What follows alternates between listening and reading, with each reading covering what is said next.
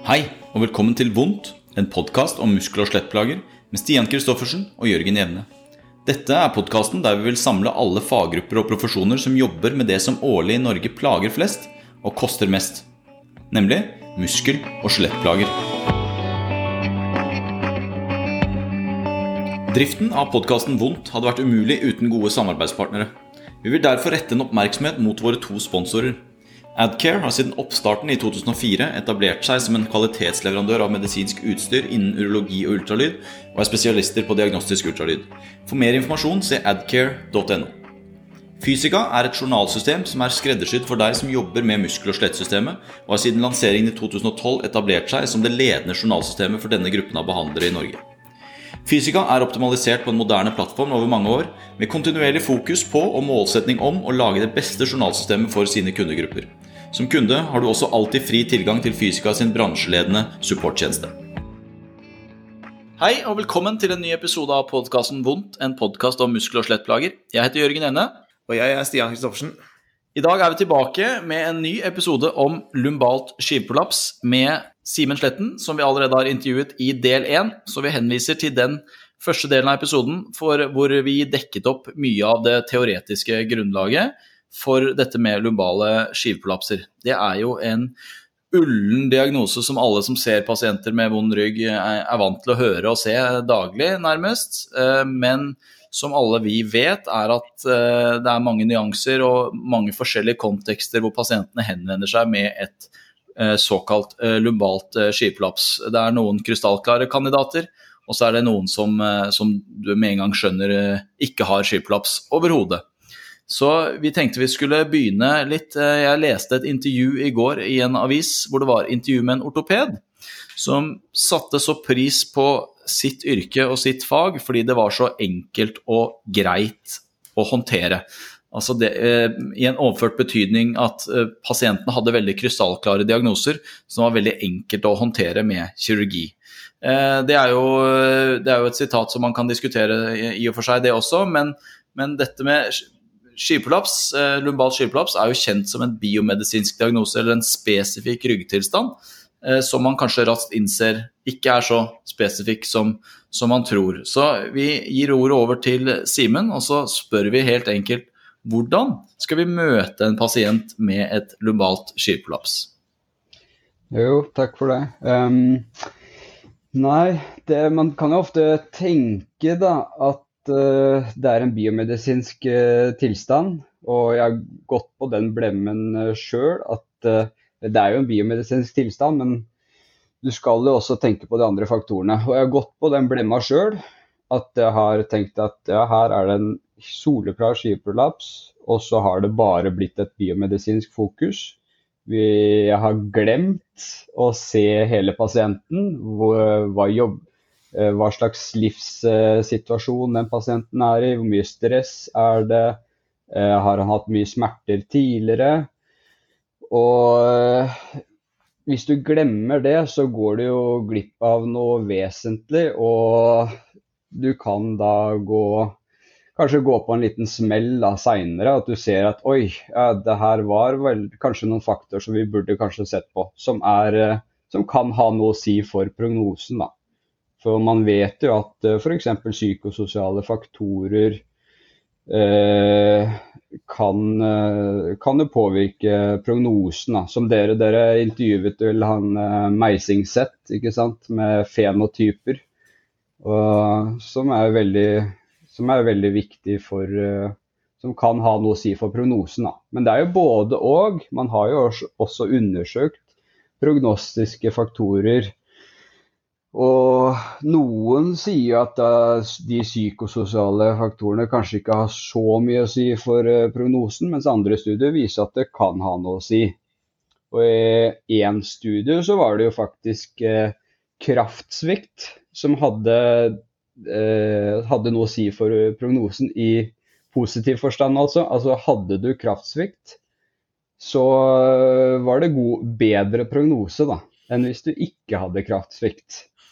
Så Nok en herlig, logisk, logisk, vending i faget der igjen, altså. ja, men den syns jeg egentlig er litt logisk, da. Fordi har du en uh, svær prolaps, Eh, så som vi snakket om forrige gang, så skjer det jo en større uh, immuninflammatorisk respons, som igjen dag setter kroppen i gang en eh, reparasjonsmekanisme her, og som igjen kan gjøre at du kommer deg fortere, da. Så den er litt sånn en vanskelig, vanskelig det, det, er en balansegang. Og jeg tror jo dess lengre pasienten har hatt vondt, dess viktigere er nok de psykososiale aspektene, da. Uten at jeg skal sitte med fasiten der. Ja, fordi Jeg vet ikke hva dere tenker. Med, ja, jeg snakket med, med Clemens Weber, som vi hadde um, som vi intervjuet på podkasten i fjor, um, nevrokirurg fra, fra, Stavanger, om, um, om ryggprolapser i forbindelse med en pasient. Og um, hvor han også sa det at i retningslinjene så er det jo på en måte viktig at man får gjort noe med, altså gjort noe operativt med de, hvis ikke symptomene går over sånn innen et år. da, sånn issues, At det begynte å komme inn i retningslinjene. Um, og, og, begrunnelsen var litt det at, at, smertene da kunne bli kronifiserte. Nå er jo ikke det et ord som vi er sånn kjempeglad i i, våre, i vår hverdag. Men jeg tenker på en måte, hvis man trekker det inn i fenotyper også, da, som vi snakket med Meisingseth om, at det er, det, er liksom, det er, jo ikke det at prolapsene angriper selektive fenotyper. Altså, Du er jo på en måte det mennesket du er, med den bagasjen du har, eh, med den livssituasjonen du har. Hvis du har uflaks, så får du et prolaps, et lumbalt skiveprolaps med radikulopati i tillegg. da. Um, som, som, gjør at det ville være vanskelig å se et, et lumbal skiveprolaps utenfor den konteksten det faktisk skjer i. Og at mm. noen da selvfølgelig står i større fare for å slite med disse smertene over lengre tid enn andre, litt basert på hva slags mennesker de er. Eh, mm. Så det er jo på en måte selv i de mer ren sånn biomedisinske diagnosene vi har, så virker det jo vanskelig å på en måte komme unna og forstå hva slags menneske som faktisk sliter med, i dette tilfellet, en prolaps. da. Mm. Så ja. Nei, selvfølgelig kan også en person med depresjon brekke beinet, ikke sant. Mm. Så Men uh, jeg tror det, det, er nok lurt å tenke, ta den her fulle, gode anamnesen også ved sånne her type pasienter, da. Ja, jeg tenkte jo at uh, altså i og med at du sier selv at du har gått på den blemma sjøl, og det tror jeg vi, de fleste av oss har. Jeg, jeg, jeg, er litt sånn jeg tenker at vi, vi, vi er, så, vi er nærmest sultefora på spesifisitet i vårt fag. Med tanke på den bølgen som har vist at alt er uspesifikt, nærmest. ikke sant? Og, og, og, og kanskje i en sånn slags sånn motreaksjon sånn Eh, instinktivt. Altså åh, endelig kan vi puste letta ut. Her er det en som har noe krystallklart. Nå skal jeg jaggu nå, nå, skal jeg endelig være kjempeklar i kommunikasjonen min. Og så, og så kanskje vi går på en smell sånn helt ubevisst, bare fordi vi prøver å være eller altså, vi, vi, er såpass, såpass, eh, trygge på akkurat det spesifikke her da, at vi nærmest uh, over Eh, overkompenserer på, på, vegne av vår andre usikkerhet, kanskje. Det er litt sånn interessant, mm. for jeg tror vi fleste av oss har gjort den der eh, blemma der, som du sier, da, at man rett og slett nå, nå, nå kan jeg hoppe over bukk over alt det andre greiene som jeg vanligvis styrer med. Mm. Det er veldig godt poeng, det. Så det ja, så er det viktig å spørre da om eh, her er det forskjellige måter å kartlegge det her på, da. Og noen er mer direkte i praten, ikke sant. Eh, spør eh, ja, litt om både fysisk og psykisk sykdom, eh, plager. Noen tar den her metasnakken, ikke sant. At de snakker litt sånn generelt at ja, søvn og stress og sånne ting kan det påvirke. Er det noen faktorer som Er det noe her du tror kan påvirke plagene? Eller er det noe som vi burde vite om? Noen kjører mer denne Ørebro, kanskje. Eh, du har jo Startback. Med, den har vel også blitt stilt litt spørsmålstegn ved, da, men om det er høy risiko, moderat eller lav risiko. Så det er mange måter å gå frem eh, på, på det, da. Jeg tar nok mer enn Jeg brukte mye Ørebro før, men uh, nå er jeg litt mer uh, kanskje enten metasnakk eller litt mer spør bare direkte, da. Um, men må, man må jo bare finne sin stil. Men det er jo viktig at man tør å spørre, da. Ja, for Det var egentlig det, det jeg ville spørre deg om. Eh, altså, I min praksis så er ikke Jeg ser ikke så mye korsrygg og så mye lumbale prolapser, men akkurat det å danne seg et bilde av den pasienten du har foran deg, er jo noe som vi jobber med liksom, uavhengig av kroppsdel. da. Det er jo mennesker med, med plager alt sammen. Eh, og, og, hvordan du gikk fram måte, i din praksis med å kartlegge hele pasienten. og da, Du nevner jo Ørebro, eh, Startback, forskjellige sånne validerte spørreskjemaer, og, og, på en måte i hvor stor grad du, du, faktisk bruker dem. For jeg tar meg jo i at de tilstandene som jeg er trygg på å jobbe med, eh, eksempelvis skulder, da, så har jeg mindre og mindre behov for disse validerte spørreskjemaene og utfallsskjemaene, eh, og mer over på det du snakker om, liksom, metasnakken og, og, stille de spørsmålene og tørre å gå inn i person, en persons liv. Da. Um, mm. Men hvor, hvor, er liksom et godt sted å begynne, syns du, hvis man, skal, hvis man er litt, litt, mer usikker og kanskje litt ferskere i gamet med å jobbe med mennesker og vil ha mer den standardiserte hjelpa for å starte en sånn metasamtale? Jeg tror nok Jeg syns det var veldig fint å bruke Ørebro. Jeg brukte kanskje, ja, Det var jo på manuellterapistudiet at jeg brukte det på hver eneste pasient. Så jeg syns jo det var et fint sted å starte, fordi da er det jo som sikkert andre har snakket om her, men eh, at får du Ser du at pasienten scorer ni på hvor nedstemt er du, da? Eh, så gir det tilgang til å ta det opp med pasienten og snakke om om du kan utdype det noe mer, da. Men eh, motargumentet der er jo at eh, hvis du får det her slengt i trynet da, når du kommer inn før du har fått satt deg omtrent, og skal svare på de her stress og nedstemt og veldig personlige kan oppfattes som da, spørsmål, så kan jo de Noen kan jo føle seg litt sånn psyko psykologisert, da, hvis man kan si det. At uh, Husker det var noen pasienter på manuellterapistudiet som klagde på det, da. Så man må jo gi en god forklaring på hvorfor man skal dele ut det spørreskjemaet også. Eh, at det her spørreskjemaet har eh, ser du, får du nå noen av de faktorene kan spille inn på eh, hvor, hvor lang, lenge man har plager og smerter. Altså viktig at vi ser at du svarer på eller får kartlagt disse tingene. da. Ja, altså jeg tenker jo helt enig med dere. Jeg tror jo vi har vel sånn cirka like mange år på baken i den bransjen her, sånn pluss-minus. Og, og, og, jeg husker jo når jeg studerte i Danmark, så var jo pasientene altså Det er jo en kontekst her også. Pasientene som vi så der nede, var på et ryggsenter som ofte var last resort for uh, ryggpasienter som hadde hatt vondt i, i 10-15-20 år. Uh, når du da kommer inn der, så tror jeg mange aksepterer å bli bombardert med spørreskjemaer og screeningprosesser i forkant, eh, at det er på en måte en del av pakka. Kontra det å komme til oss, da, som tross alt er førstelinje for mange terapeuter. og, og kommer rett inn fra kaffeslabras med en venninne, og så skal du plutselig fylle ut 13 eh, spørreskjemaer eh, av fire sider fordi du har vondt i ryggen for første gang, liksom. Det er, jo, mm. det er jo, noe med det også, så det er jo en, en, kontekst her i bruken av disse spørreskjemaene og screeningene.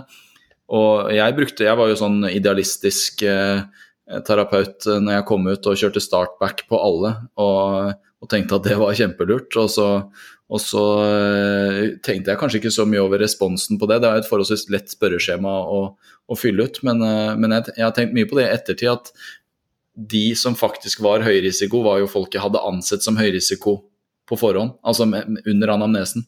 Rett og slett fordi at man, man, baker inn en del av de spørsmålene og en del av de settingene tidlig i anamnesen fordi man bare får et uh, Utvikler seg et, et sånt uh, pattern recognition, da, mønster i en sending. Mm. Mm. Hva er det vi skal se etter da, Simen? Hvilke, hvilke, faktorer sånn, i, i, det psykososiale er det som peker seg ut som viktige med tanke på prognose og behandlingsvei videre? Nei, der igjen er det jo litt blanda resultater, da. Uh, så det er i hvert fall én studie som så at uh, det var gode indikatorer for at Ishas plage var bedre. Der så de at det var lav alder, høy utdanning, det å være i full jobb og lav frykt for at det å være i jobb skulle skade ryggen. Da. Det var gode prognostiske faktorer.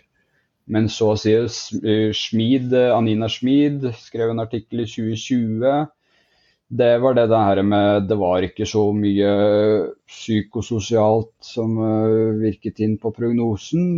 Der var det den derre kraftsvikten, da. Så det er litt sånn derre både og, altså. Og så er jo spørsmålet, da Jeg vet ikke om vi skal snakke om, mye om prognose nå, men et interessant spørsmål er jo vil det at trekker, prolapsen trekker seg tilbake, er det sammenheng mellom det og smertereduksjon i ben f.eks.? Og der er det jo også litt Man skulle jo tenke seg, ikke sant, når prolapsen trekker seg tilbake, så vil også bensmertene trekke seg tilbake. Men der er det jo også eh, litt blanda resultater, da. så det er jo litt som en tendinopati, da. Eh, altså du kan, Det er ikke sikkert at det skjer så mye strukturelle endringer uh, i scenen, men du får jo smertelette. da. Det samme er det også noen ganger, ofte ved skiveprolaps eh, og radikulær smerte. At de, det er ikke sikkert at den trekker seg tilbake så mye, men, men du kan få smertereduksjon. I hvert fall i én stor metastudie og systematisk oversiktsartikkel så var det jo Eh, på mange tusen, noen tusen stykk, tror jeg, så var det jo en, eh, og 63% altså to tredjedeler, var det en reduksjon av eh, den her prolapsen. Da. Så det var en tredjedel som ikke hadde noe reduksjon. Så det, det er jo mange, veldig mange faktorer som spiller inn. Da. Både det biomedisinske, men også andre kontekstuelle og litt psykososiale faktorer. Men hvis du ser på det rent biomedisinske, så ja, så er det ikke alltid at prolapsen trekker seg tilbake, og det er ikke alltid samsvar mellom eh, størrelse på prolaps eller, på, eller hvor mye den går ned, og om bensmertene går ned. Det mange glemmer f.eks., er at det skjer en hevelse rundt prolapsen. Som, eh, og den hevelsen vil jo også trekke seg, trekke seg tilbake etter hvert. da. Jeg tenker jo at um, For en gangs skyld så har man jo kanskje noe at man kan kombinere det biomedisinske med det mer psykososiale i form av å skape noen positive forventninger. da, Sånn som vi har vært inne på, mm. at store prolapser har gjennomgående en bedre prognose, og at disse trekker seg og trekker seg tilbake igjen. Og, og dette har vi egentlig ganske god kontroll på. Altså, selvfølgelig er det mm. skikkelig jævlig å ha så vondt hele tiden. Men at sånn, mm. vi kan i hvert fall forsterke den forventningen om at dette, dette ser ut til å gå bra. Da. Og den forventningen ser ut til å ha veldig mye å si i alle andre muskel- og skjelettplager. Mm. Og der er det jo veldig mange som kanskje har kall det urealistiske forventninger, da. Eller de vet faktisk ikke hva det er for noe, da. Og så har de gått til behandling, da kanskje de fikk kjempevondt plutselig da de våknet, og så har de gått i masse behandling 10-15 ganger og forventet at det skal bare bli borte i løpet av to-tre uker, fordi det har du gjort før. Men uh, så finner man jo ut hva det er, da. Og da blir jo forventningene noe helt annet. Så jeg pleier da å si, uh, jeg vet ikke om det er riktig helt nøyaktig, men jeg pleier å si at de aller fleste blir bra i løpet av en tre til seks måneders tid. Og da er det jo mange som uh, sier å ja, ja, ja, men da hvorfor driver jeg og stresser med det her nå? Da kan jeg bare senke skuldrene og bare ja, det, slappe litt mer av. Bør ikke stresse og bare må finne ut av det her og fikse og fikse og fikse. Men uh, bare det å få den her uh, informasjonen, da, at det faktisk tar litt tid, det er for mange betryggende og roer ned situasjonen. Ja, absolutt. Det er vel som, som Mosley har sagt, at alt som, alt som, endrer hjernen din sin evaluering av fare, vil endre smerte. I hvert fall ha potensial til det. Mm. Så, så, jeg har samme opplevelse som deg, at når folk får, får de litt betryggende rådene og, og, en, og, en, eh, tanke om hva det er, så hjelper det mye. Men det er jo litt sånn Selvfølgelig, det er jo ikke Det er jo sånn med andre plager også. Det er jo faktisk ikke alle som blir bra, eh, helt bra. Eh, hos, eh, så det er jo noen studier, eller noen som skriver i hvert fall at eh, 49% altså halvparten, har jo symptomer etter et halvt år. Også Schmid, 2020-artikkelen, eh, sier at eh, rundt minst en tredjedel vil utvikle vedvarende smerter og funksjonsnedsettelse som kan vare et år eller mer. Så det er jo liksom blanda drops å si at de aller fleste blir bra i løpet av 36 måneder, men jeg velger heller å kjøre på med positiv forventning, placebo, enn å kjøre på med nocebo. Eh, potensielt nocebo, da. Men eh, det er jo litt sånn blanda. Jeg vet ikke hvor, eh, hvor på en måte ærlig man skal være, eller hva tenker dere? Nei, altså ærlig ærlig og ærlig, altså du har jo ditt på det tørre da, hvis det er en tredjedel som står igjen med, med symptomer, og ja. at du på en måte er akkurat på den favorable siden etter seks måneder. Um, så, så, kan man jo si det at å, å, maksimere forventningen til bedring over et tidsperspektiv som framstår som ganske realistisk, uh, så er jeg jo enig med deg. Jeg vil jo kanskje ikke kalle det placebo, jeg vil jo si at den beskjeden har ganske mye terapeutisk effekt i seg selv, kanskje. Mm. Men um, men selvfølgelig være ydmyk og realistisk for at, ja, som du sier, ikke alle, ikke alle blir bra. Eh, så får man jo kanskje ta den praten underveis. Men det tenker ja. jeg på, for det syns jeg var interessant det du sa i stad, at um, noen, noen, våkner opp og har skikkelig vondt i ryggen, og så stresser man med det og prøver å få det til å gå bort og går til masse behandlinger. Altså, hvilke, hvilke kliniske tester er det vi skal gjøre, da? For å på en måte kunne slå fast det her, eller kliniske tester, klinisk resonnement er det vi skal gjøre, sånn at man ikke trenger å behandle noen 14 ganger med et ryggprolaps som på en måte i, i, stor grad tar den tiden det tar. Hvis du har en eh, det, Anamnesen er jo selvsagt eh, den viktigste, da. Så har du en skiveprolaps med radikulær smerte, så vil typisk bensmertene være verst. Altså at du har skikkelig vondt i benet. Eh, men her er det jo alle Her kommer det forskjellige spenn. Ikke sant? Noen har jo den der eh, stramme hamstringen som de driver og tøyer på. Eh, som de ikke får til å bli Som bare fortsetter å være stram, mens andre har liksom helt eh, ekstreme bensmerter. Eh, så veldig mange har jo problemer med å sitte ikke sant, bøye seg fremover. Noen har hoste, nysesmerter. Um, ja. Og selvfølgelig, det er jo den generelle undersøkelsen her er jo også viktig. Det er jo nedsatt funksjon i, og nedsatt aktiv bevegelighet osv. Men uh, hvis du skal gå på de mer uh, spesielle prøver, så, eller nevrologisk orienterende prøver, som vi snakket om en god del om forrige gang, så er det jo SLR som er den her det beste, beste testen, da. Så det er jo en grunn til at uh, legene de tar jo bare SLR, eller de kaller vel den LASEG, da. Og det er jo fordi den strekker på de to nederste nerverøttene. Og man vet jo at 95% av skiprolapser skjer jo i de to nederste nivåene. Så en SLR den vil jo fange opp det meste. Men her er det, som vi var innom forrige gang, en negativ SLR er mer verdifull, da, gir mer informasjon enn en positiv. Så har du en negativ SLR, så er det ganske sannsynlig at det faktisk ikke er en uh, skiveprolaps da, med radikulær smerte eller radikulopati. Men uh, jeg syns egentlig det tar oss litt over i, i, det, i det, konkretiseringen da, som vi snakket om innledningsvis i, i denne episoden her. At det er jo noen skivprolapspasienter hvor du nærmest hører de idet de kommer inn på klinikken. altså Du, du hører en, en, en, fot som klasker i gulvet, en, en tydelig droppfot, og de kommer inn, og de, det er nærmest sånn at du kan sitte med tekstboka di fra studiet og sjekke av i listen nedover på, på, alle kriteriene du fyller opp. Og så er det måte kanskje denne pasienten da, som, som henges opp som en prolapspasient, og at det er så enkelt å jobbe med, som han ortopeden sa i, i, i, i uh, intervjuet. da. Men jeg tenker kanskje ja, det er jo nettopp fordi at det er disse pasientene vi sender til kirurg fort. Mm. ikke sant? Uh, så det er de du ser.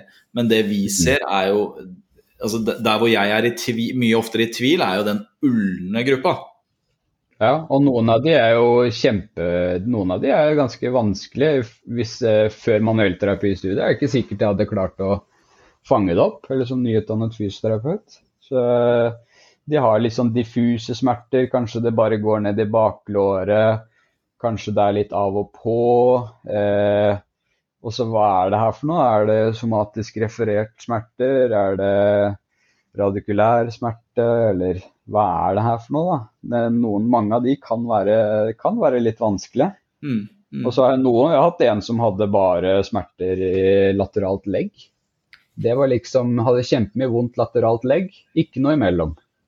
Det var liksom eh, Og der var MR-bildet samsvarte med klinisk under... Eller veldig positiv SLR og alt det der, men han hadde mest smerter i legg.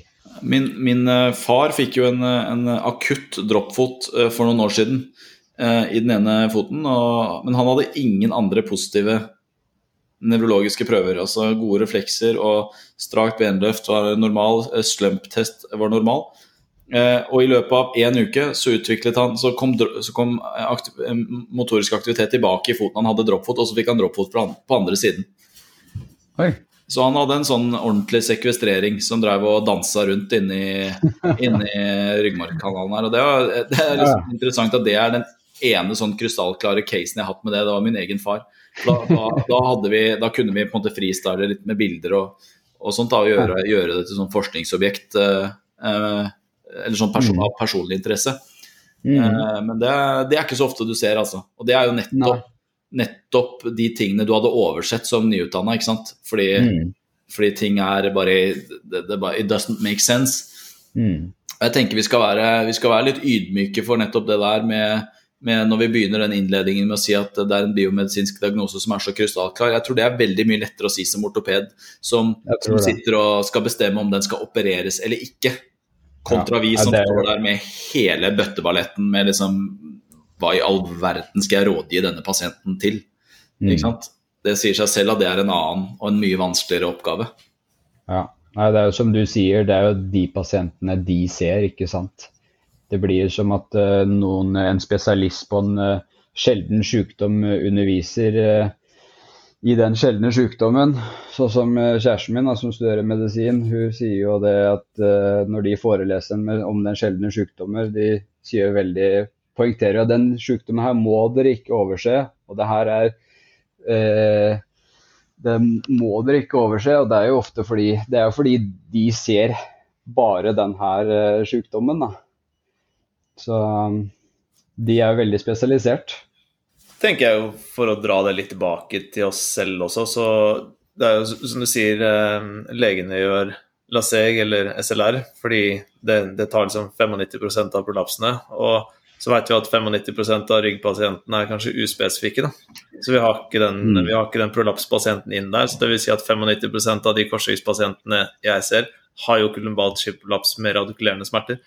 Så jeg blir jo selvfølgelig veldig farget av at det kanskje er enda mindre biomedisinsk enn et faktisk lumbalt skivprolaps. Og det å mm. ikke, altså Man snakker mye om pendler som svinger den ene eller den andre veien i faget vårt om dagen, men jeg tror jo for min del så er det det å snakke med, med, med dere for eksempel, som ser mye mer rygger og kan mer rygg enn meg, er nok en, en viktig sånn påminner om at det, det finnes jo faktisk disse litt mer spesifikke tilstandene som kanskje skal håndteres og behandles på en annen måte ikke helt annerledes, men at det er et litt annet forløp på de enn de rent sånn der hvor vi ikke har noen spesifikk årsak. Da. Så, så, mm. så, vi skal alle være klar over hvilken pasientgruppe vi ser mest av, tror jeg.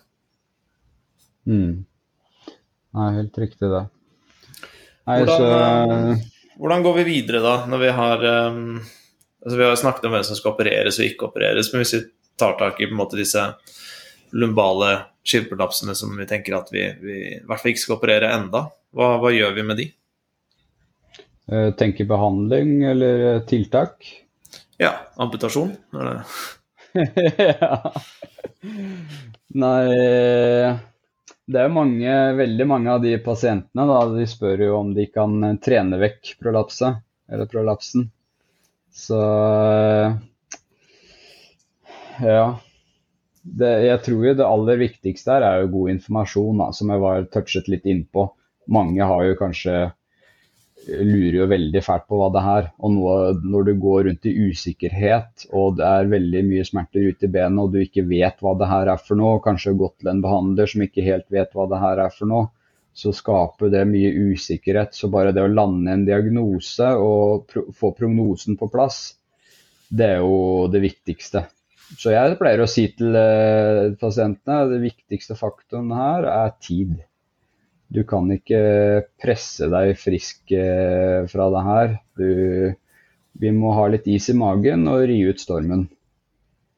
Eh, så, så bare det å få en god forklaring, bruke noen gode metaforer. F.eks. jeg bruker litt den her, jeg har stjålet den av Ben Cormac, jeg vet ikke om han har stjålet den av noen andre. Men den Atishias eh, smerter er litt som et biestikk. da.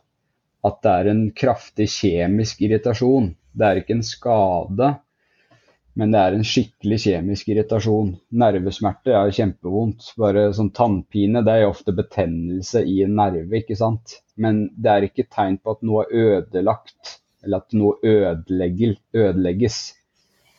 Og, og den uh, formidlingen tror jeg er viktig. Så aller viktigste behandlingen her er nok uh, god informasjon, altså. Før vi fortsetter intervjuet med Simen, så ønsker vi å rette en kort oppmerksomhet mot en av våre sponsorer. Og så håper jeg du henger med rett etter reklamepausen. Å holde seg oppdatert som kliniker i 2021 er en massiv oppgave.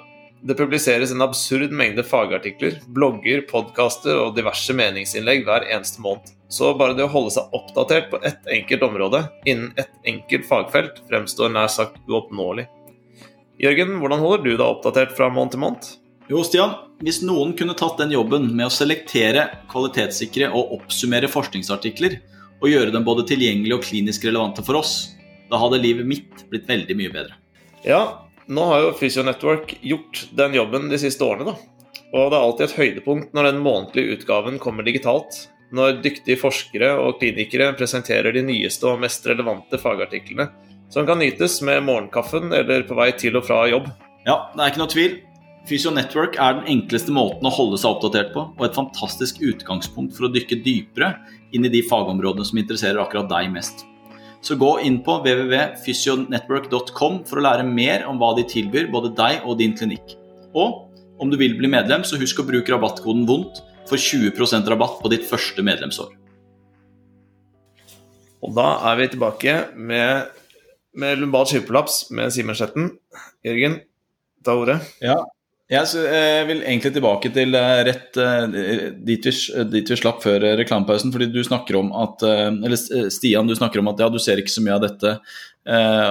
Men samtidig så er det jo veldig mange paralleller her med ting du ser mye av. Altså, Simen snakker om at mange av pasientene spør om de kan trene bort prolapsen.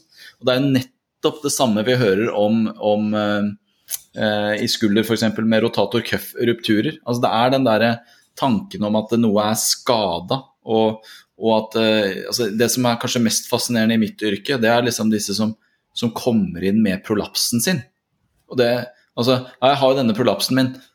Og da, da, er, da er, det sånn, det er sånn automatisk oppfølgingsspørsmål er, når i all verden fikk du vite om den?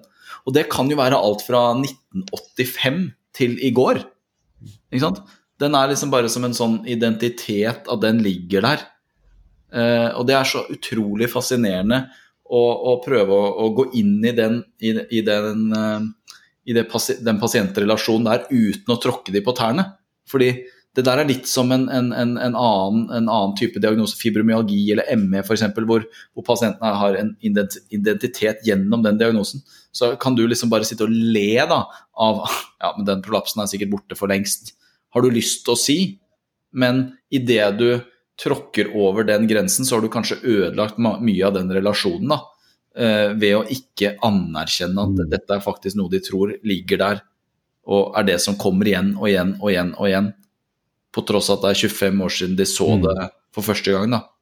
Så, så det, det, er veldig store mm. paralleller her. Jeg tenker Dette er igjen det der med erfaring og, og mønstergjenkjenning. At ser du mye rygg, så så, så, så, har du en ganske konkret og strukturert undersøkelse. Og dermed fanger du også opp ting som liksom ikke stemmer helt. Da. Det er jo de, det er jo der, det er de som er ulne, de der, eh, de der eh, prolapspasientene som ikke har den krystallklare sjekklisten, men som kanskje bare Oi, den var veldig mye dårligere, den slump-testen nå to uker senere enn den var for altså, ikke sant? Altså, Jeg hadde en sånn denne uken her som jeg, som jeg sendte tilbake til fastlege og, ba, og på en måte dokumenterte at undersøkelsen min tre ganger på rad nå er blitt bare konsekvent dårligere og dårligere. Men hun har fortsatt ikke sånn full blown radikulopati med, med, kraftsvikt, men det er bare stortåa hennes liksom styrer seg dårligere og dårligere. Hun, hun, hun, må konsentrere seg mer og mer for å få det til. og Hun ble faktisk innlagt akutt. og da, da er det nok da, da sier ortopeden liksom dette er en krystallklar skiplaps som vi må operere. Men den var ikke det mm. for tre uker siden. Ikke sant? Så, så det mm. jeg har det, det, som kanskje fremstår som at jeg har gjort en dårlig jobb, mener jo jeg egentlig at jeg har gjort en god jobb. ja. ja. Nei, men uh, du er inne på noe viktig, og det er jo noe jeg gjør ofte med de her uh, skikkelig symptomatiske skiveprolaps med radikulopati spesielt. Hvis det er litt sånn kraftsvikt da men ikke dritmye, men litt. da, Kanskje en grad fire. Det følger litt med på, da. Og så da tester jeg SLR. ikke sant? Hvis den var positiv forrige gang, ser jeg hvordan den, om den har endret seg nå. Tester kraft, tester sensibilitet. Det er kjempeviktig å se om vel, Man kan jo gå på den feilen at du tester første gangen pasienten er innom, og så glemmer man det litt eller man tenker ikke så mye på det. Og så har jo det, kanskje den utviklet seg i det stille, da.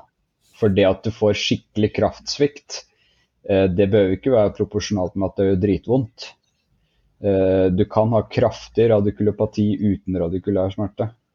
Og noen ganger så er det jo så heftig trykk på nerven, og du får den droppfoten, og så har du ikke noe vondt i det hele tatt.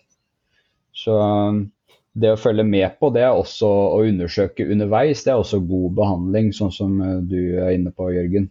Ja, altså jeg syns jo dette med, med test, retest altså det, det, Vi bruker det mye i trening av, av friske. Eh, så, så, på en måte det å ha test, retest for å følge en, følge en progresjon, eh, eventuelt en regresjon, da, hos, en, hos en pasient, det er jo, er jo viktig. Så hvis man først har begynt å gjøre det, så burde man jo fortsette. Eh, så har det jo mange som har snakket om liksom disse og nå er det vits å teste kraft på pasienter hver gang, og da tror jeg vi er på en måte mer over i kanskje tendinopatier, mer diffuse muskel-skjelettplager enn en ren sånn kraftsvikt hos en, eh, hos en pasient med, med radikulopati og, og krafttap. Da. Um, men det tenker jeg jo også at det er Jeg er helt enig med deg, Jørgen, at likhetstrekkene mellom, mellom rygg og, og tiltak videre, og dette med liksom, skal trening fikse prolapsen, altså disse mekanismene som ligger der, er jo fint overførbare til, til mange andre deler av, av, kroppen. Og det er i hvert fall påfallende at det området vi har mest forskning på, altså korsrygg, ikke skal la seg overføre til andre deler av, av kroppen. Så da tenker jeg liksom, hvordan er det man Altså, Hvordan er det vi, vi rammer inn f.eks.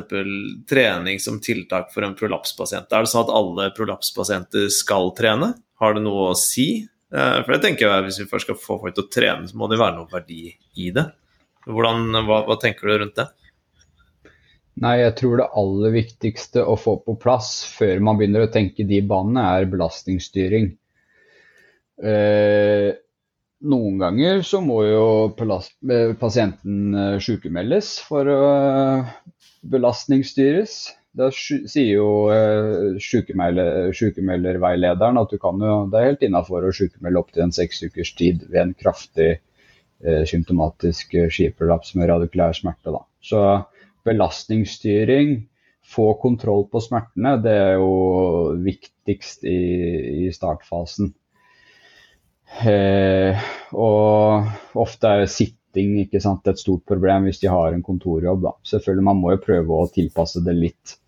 Men eh, belastningsstyring og holde seg i gang her Før i tida så var det jo bedrest som var tiltaket. Skulle hvile deg frisk. Men, eh, nå vet man jo at aktivitet, holde seg i lett aktivitet, er viktig.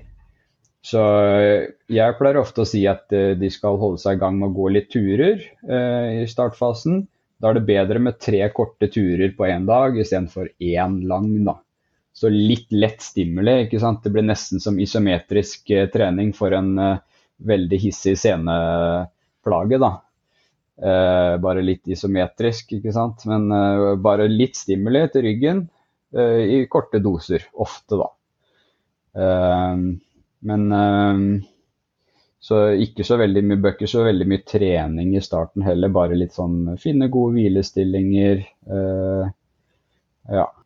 Ja, altså jeg, jeg, er jo, jeg, er jo, litt sånn farget av et foredrag jeg så med en, en litt sånn godt voksen lege en gang, som, som satt ute i salen her. Det er litt den samme stilen som Åge Inndal gjorde på, på dette uh, kysthospitalseminaret for noen år siden. At uh, du sitter og kikker ut i salen her, eller han satt og kikka ut i salen, og så sier han se på dere.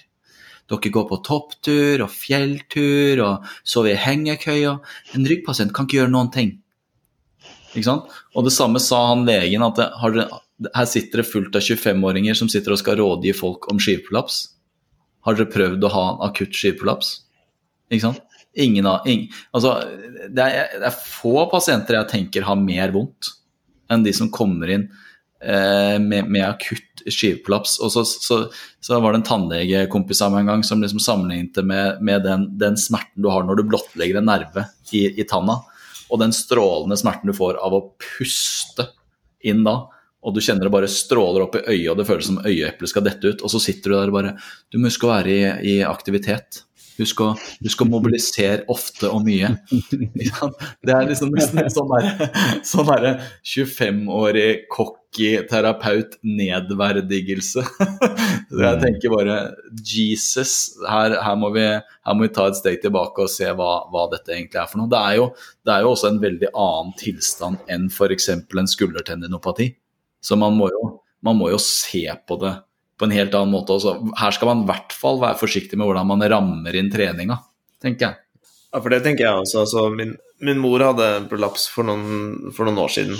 Og har liksom hatt det tilbake en, en, gang eller to. og Det er jo på en måte veldig mye i meg da som tenker at ja, men trening er det tiltaket vi skal gjøre, og, og det, er, det, er skal, det er der vi skal legge inn støt og sånn. Og så viser det seg jo selvfølgelig at løsningen for henne er jo å sykemelde seg fra jobb, sånn at hun ikke sitter og slipper eller ikke, ikke trenger å kjøre bil. En halvtime tur-retur jobb hver dag. Med en gang den mm. belastningen var borte, så var det jo rom for å gjøre så vanvittig mye mer.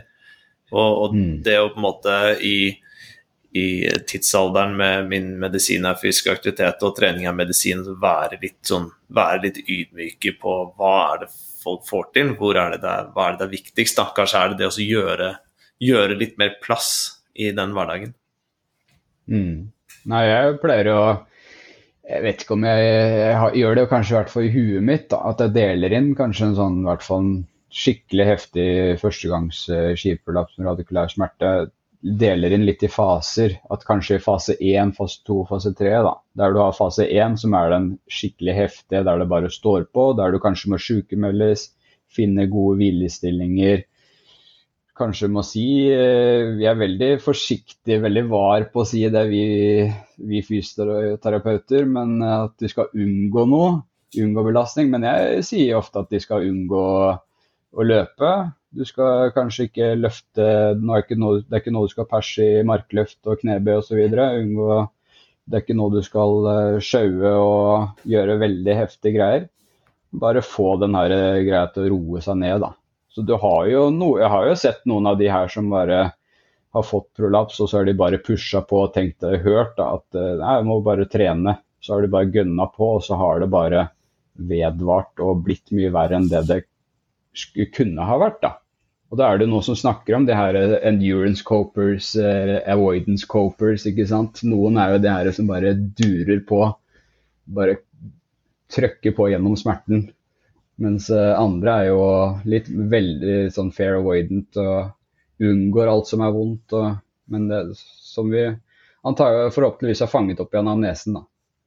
Men eh, god belastningsstyring og unngå masse mulig dilldall, altså. Det med nåler, massasje eh, Det er så utrolig mye rart som, eh, som foregår. da. Det setter liksom feil fokus. Fordi man må bare keep it simple, ha is i magen, unngå masse mulig dilldall, og bare gjør det eh, Gjør den her basicen bra, altså. Um, dagens hyggeligste spørsmål eh, fra meg til en kiropraktor og en manuellterapeut. Uh, manuelle tiltak på lumbale skiveprolapser, du, du, var jo innom det nå. Men altså, vi vet jo at det gjøres mye og loves mye. Hva er deres uh, Hvor, hvor, står dere i hands on, hands off-debatten? Nei, det er ikke det at det ikke gjør det. Men uh, det kommer an på hvilke premisser det blir satt på. Uh, du står med manuell behandling alene, så det, det er feil. Men uh, har du fått satt riktig informasjon, begge vet hva som er veien videre, man har liksom denne felles forståelsen, så kan du, og hvis det er Kall det mye sekundære plager, da så kan du gjøre en torakal manipulasjon eller litt bløtdelsbehandling, rektorspina lumbal muskulatur. Det er ikke noe i veien med det, men uh, det vil jo kanskje bare hjelpe noen timer. Men det kan jo vise pasienten da, at, uh, at uh, de sekundære plagene, det, det, kan endres på. da. Og det er jo ikke nødvendigvis prolapssmerter. Det er jo bare det er bare sekundære plager. Men eh, det er jo ikke, en, det er ikke akkurat en viktig del av behandlingen, det. Det skjer en gang iblant. Fordi der, for å dra det tilbake til min kjære mor igjen, eh, så, så, er det jo i hvert fall i, i, denne litt sånn polariserte debatten om man skal gjøre det eller ikke skal gjøre det. Hun opplevde jo selv at det å få den manuelle behandlingen, på tross av at jeg da hadde sagt at det anser jeg ikke som veldig nødvendig. Sånn, ja, men da skjer det noe. Da gjør jeg noe. Da kommer jeg meg av gårde. Det er noen som hjelper meg å slappe av, hjelper meg å spenne, som gir meg en pause fra symptomene. Men kanskje viktigst at det er noe som skjer. Og så veit jeg at dette tar den tiden det tar. Men det, det, det, gjør at ukene mine er litt lettere. Og akkurat det perspektivet føler jeg ofte at blir oversett i den debatten av, av også av meg, da, at dette faktisk har en verdi, så lenge det gjøres på de riktige premissene, som du sier, Jørgen. Ja, jeg, veldig, jeg, liker veldig dårlig den, den, den, den, effekten sosiale medier har hatt på den debatten der. Fordi at eh, det er ikke tid til å sitte og snakke sånn som vi gjør nå. Eh, så for å bli hørt, så er man nødt til å liksom Ja!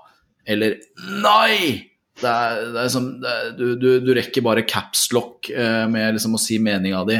Enten er det ja eller nei, og hvis du er mot meg, så er du en idiot. Og så får man liksom ikke tid til å diskutere de nyansene der. Og, og jeg, jeg, jeg, jeg, gjør litt som Simen her, at jeg tenker hvis du har en akutt skipolaps der, så deler jeg den litt sånn inn i i noen grove faser der. Og jeg tenker at uh, manuell behandling kan helt klart ha en rolle i enkelte av fasene, men jeg ville jo aldri i mitt fjerneste sinn tatt og manipulert på en akutt skipulapp som kom inn med dropfot, liksom. Uh, uh, ikke det egentlig at jeg tror at mekanisk sett at jeg kan gjøre så mye verre, men hvis det blir verre, så får jeg skylda. Mm. Det er kanskje vel så mye det. for det er jo kiropraktor, det er jo studier fra Sveits som har sett på manipulasjonsbehandling med sånne spesielle teknikker og sånn. Og det er jo sånn som mange, mange kiropraktorer liker å lese og, og si, argumentere for, for, sin, for, sin, mening. Jeg, jeg, har en mer tilbakeholdende mening, eller tilbakeholdende, tilbakeholdenhet når det kommer til det. men men samtidig så prøver jeg å respektere at andre ser på ting på, på en annen måte.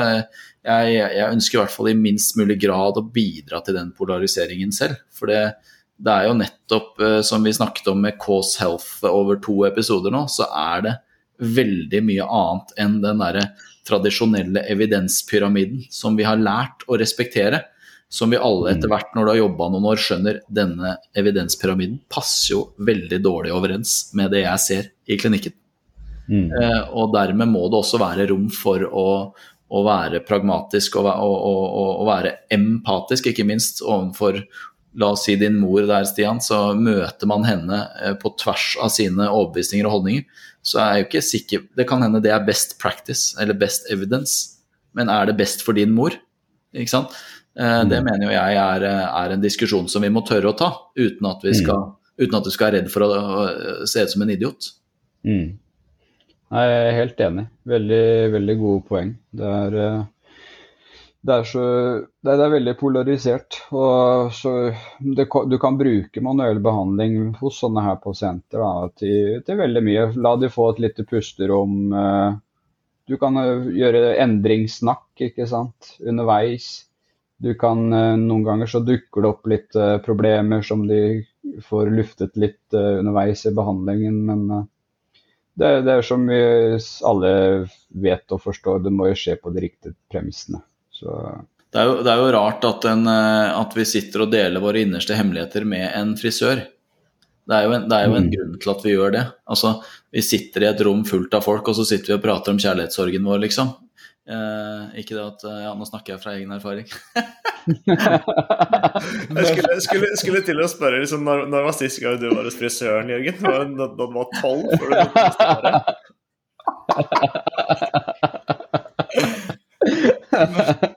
Men det er, det er, et eller annet med konteksten der, at du sitter og deler ting som du kanskje ikke burde i, i, i, et, i en setting som på en måte gir mening. Da. Og jeg tenker, mm. jeg har i hvert fall veldig respekt for den settingen som er her hos meg, og den konteksten som jeg klarer å skape.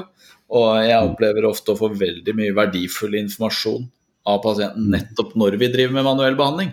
For det, det gjør seg ikke like godt ute på treningssalen, der hvor det er andre personer til stede. Så jeg opplever det som et veldig godt kommunikasjonsverktøy.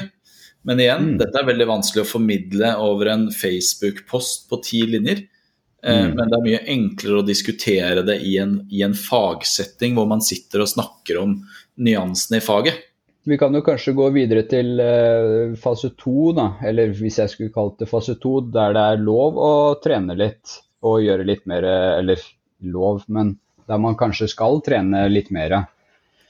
Uh, og der er det jo, i hvert fall hvis du ser i en større studie, så har det faktisk vist seg at uh, strukturert trening er uh, bedre enn råd om å holde seg aktiv.